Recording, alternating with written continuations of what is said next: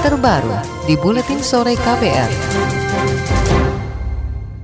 Saudara pemerintah diminta tidak membatasi akses terhadap jurnalis baik nasional maupun asing dan lembaga yang bergerak membela hak asasi manusia untuk mendapatkan informasi maupun datang ke Papua untuk memantau situasi yang sebenarnya terjadi di sana. Menurut Direktur Lembaga Bantuan Hukum LBH Papua Emmanuel Gobay, hadirnya jurnalis dan lembaga penegak HAM dapat menghindarkan pelanggaran HAM selama kerusuhan berlangsung di Papua. Saya mohon apa seluruh pers baik nasional maupun internasional bisa datang ke Papua meliput di seluruh kota-kota besar yang sedang terjadi aksi anti rasisme ini dan juga bagi lembaga hak asasi manusia bisa datang ke Papua melakukan investigasi langsung biar kemudian tidak terjadi pembohongan-pembohongan publik atas fakta yang sedang terjadi di seluruh wilayah Papua. Direktur Lembaga Bantuan Hukum LBH Papua Emmanuel Gobay menambahkan sejauh ini LBH Papua tidak melihat adanya pers ataupun lembaga HAM yang masuk untuk menyelidiki dan memantau situasi yang sebenarnya terjadi di sana. LBH Papua menduga terjadi pembatasan akses kepada jurnalis maupun lembaga HAM dari pemerintah dan tidak hanya pembatasan akses internet yang sudah terjadi sejak 21 Agustus lalu yang sudah dilakukan oleh pemerintah. LBH Papua menyebut pembatasan akses internet di Papua membuat masyarakat di sana dan yang ada di luar Papua tidak dapat memperoleh informasi yang berimbang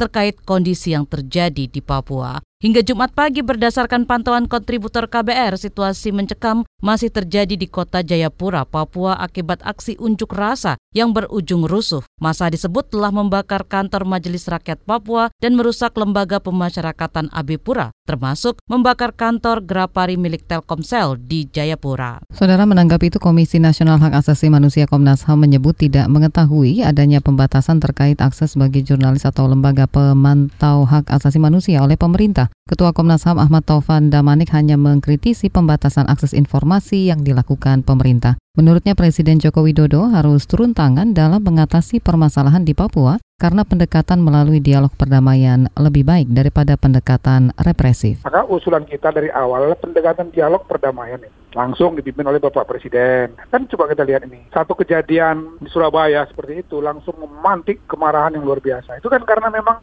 ada akar masalah di sana. Nah, akar masalah itu ya tidak bisa diselesaikan dengan parsial gitu. Dia harus dia pendekatan yang terintegrasi, langsung dipimpin oleh pemimpin nasionalnya, gitu, presiden dan wakil presiden. Ketua Komnas HAM Ahmad Taufik Damanik menyebut pembatasan akses informasi justru mempersulit dan menimbulkan perasaan terisolasi di tengah masyarakat Papua. Komnas HAM juga menunggu laporan dari Komnas HAM Perwakilan Papua terkait informasi dan penanganan hak asasi manusia di Papua terkini. Sementara itu Dewan Pers meminta pemerintah membentuk lembaga khusus yang berwenang memberikan informasi tentang perkembangan konflik di Papua kepada publik. Anggota Dewan Pers Ahmad Jauhar mengatakan lembaga tersebut akan menjadi satu-satunya pintu untuk publik dan media massa mendapat informasi teraktual di Papua. Dengan demikian, kata Ahmad, media massa mendapat akses informasi yang terpercaya, sedangkan masyarakat juga tidak kebingungan akan pernyataan antar lembaga yang berbeda-beda. Kenapa tidak membentuk semacam lembaga yang otoritatif, sehingga teman-teman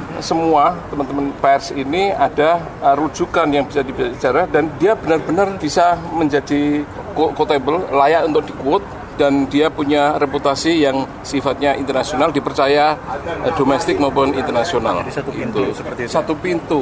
Tidak setiap orang ngasih pernyataan, apalagi pernyataannya kemudian eh, tidak sinkron dengan kondisi yang nyata. Anggota Dewan Pers Ahmad Jauhar mengatakan informasi dari lembaga tersebut juga bisa menjadi pembanding untuk informasi yang beredar di media sosial. Dewan Pers menambahkan lembaga khusus itu harus diisi tokoh-tokoh kredibel yang dipercaya publik berbicara tentang Papua, terutama yang juga berasal dari sana, sehingga lembaga khusus tersebut tidak akan dijadikan pemerintah corong untuk menutup-nutupi informasi tentang Papua. Pemerintah mengklaim tak pernah membatasi Komnas HAM atau wartawan yang ingin mengawasi konflik di Papua dan Papua Barat dalam rentang dua pekan terakhir ini. Tenaga ahli utama Kedeputian Bidang Komunikasi Kantor Staf Presiden Ali Mokhtar Ngabalin mengatakan Komnas HAM bisa kapan saja mendatangi Papua untuk memantau potensi pelanggaran HAM yang dilakukan aparat maupun kelompok perusuh karena negara juga akan menjamin keselamatan tim Komnas HAM yang tengah memantau di Papua dan Papua Barat. Komnas HAM kan ada, itu kan lembaga lembaga negara kan Komnas HAM.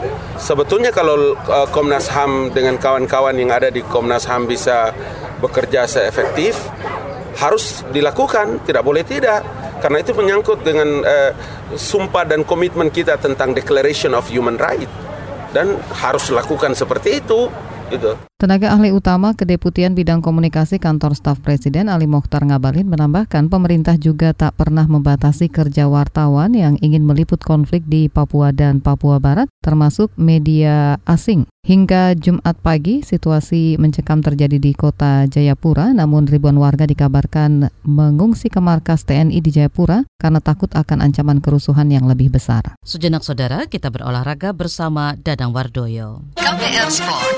Liverpool mendominasi peraih penghargaan UEFA setelah pemain belakang Virgil van Dijk dan kiper Alisson Becker dinobatkan sebagai yang terbaik dalam ajang tersebut. Penghargaan yang diterima Van Dijk serta Alisson Becker tidak lepas dari gelar juara Liga Champion musim 2018-2019. Van Dijk juga menerima trofi utama berupa penghargaan pemain terbaik UEFA musim lalu. Sementara penyerang terbaik UEFA diberikan kepada mega bintang Barcelona Lionel Messi yang mengoleksi 12 gol di Liga Champion musim lalu. KPR Sport. Kondisi keamanan Jayapura, Papua yang tak menentu menyebabkan laga Persipura Jayapura melawan Bali United di Stadion Mandala yang rencananya digelar minggu besok terpaksa ditunda usai aksi unjuk rasa yang berujung rusuh Kamis kemarin. Persipura saat ini sedang meraih tren positif karena dalam empat laga terakhir berhasil meraih tiga kemenangan dan satu kali imbang. KPR Sport.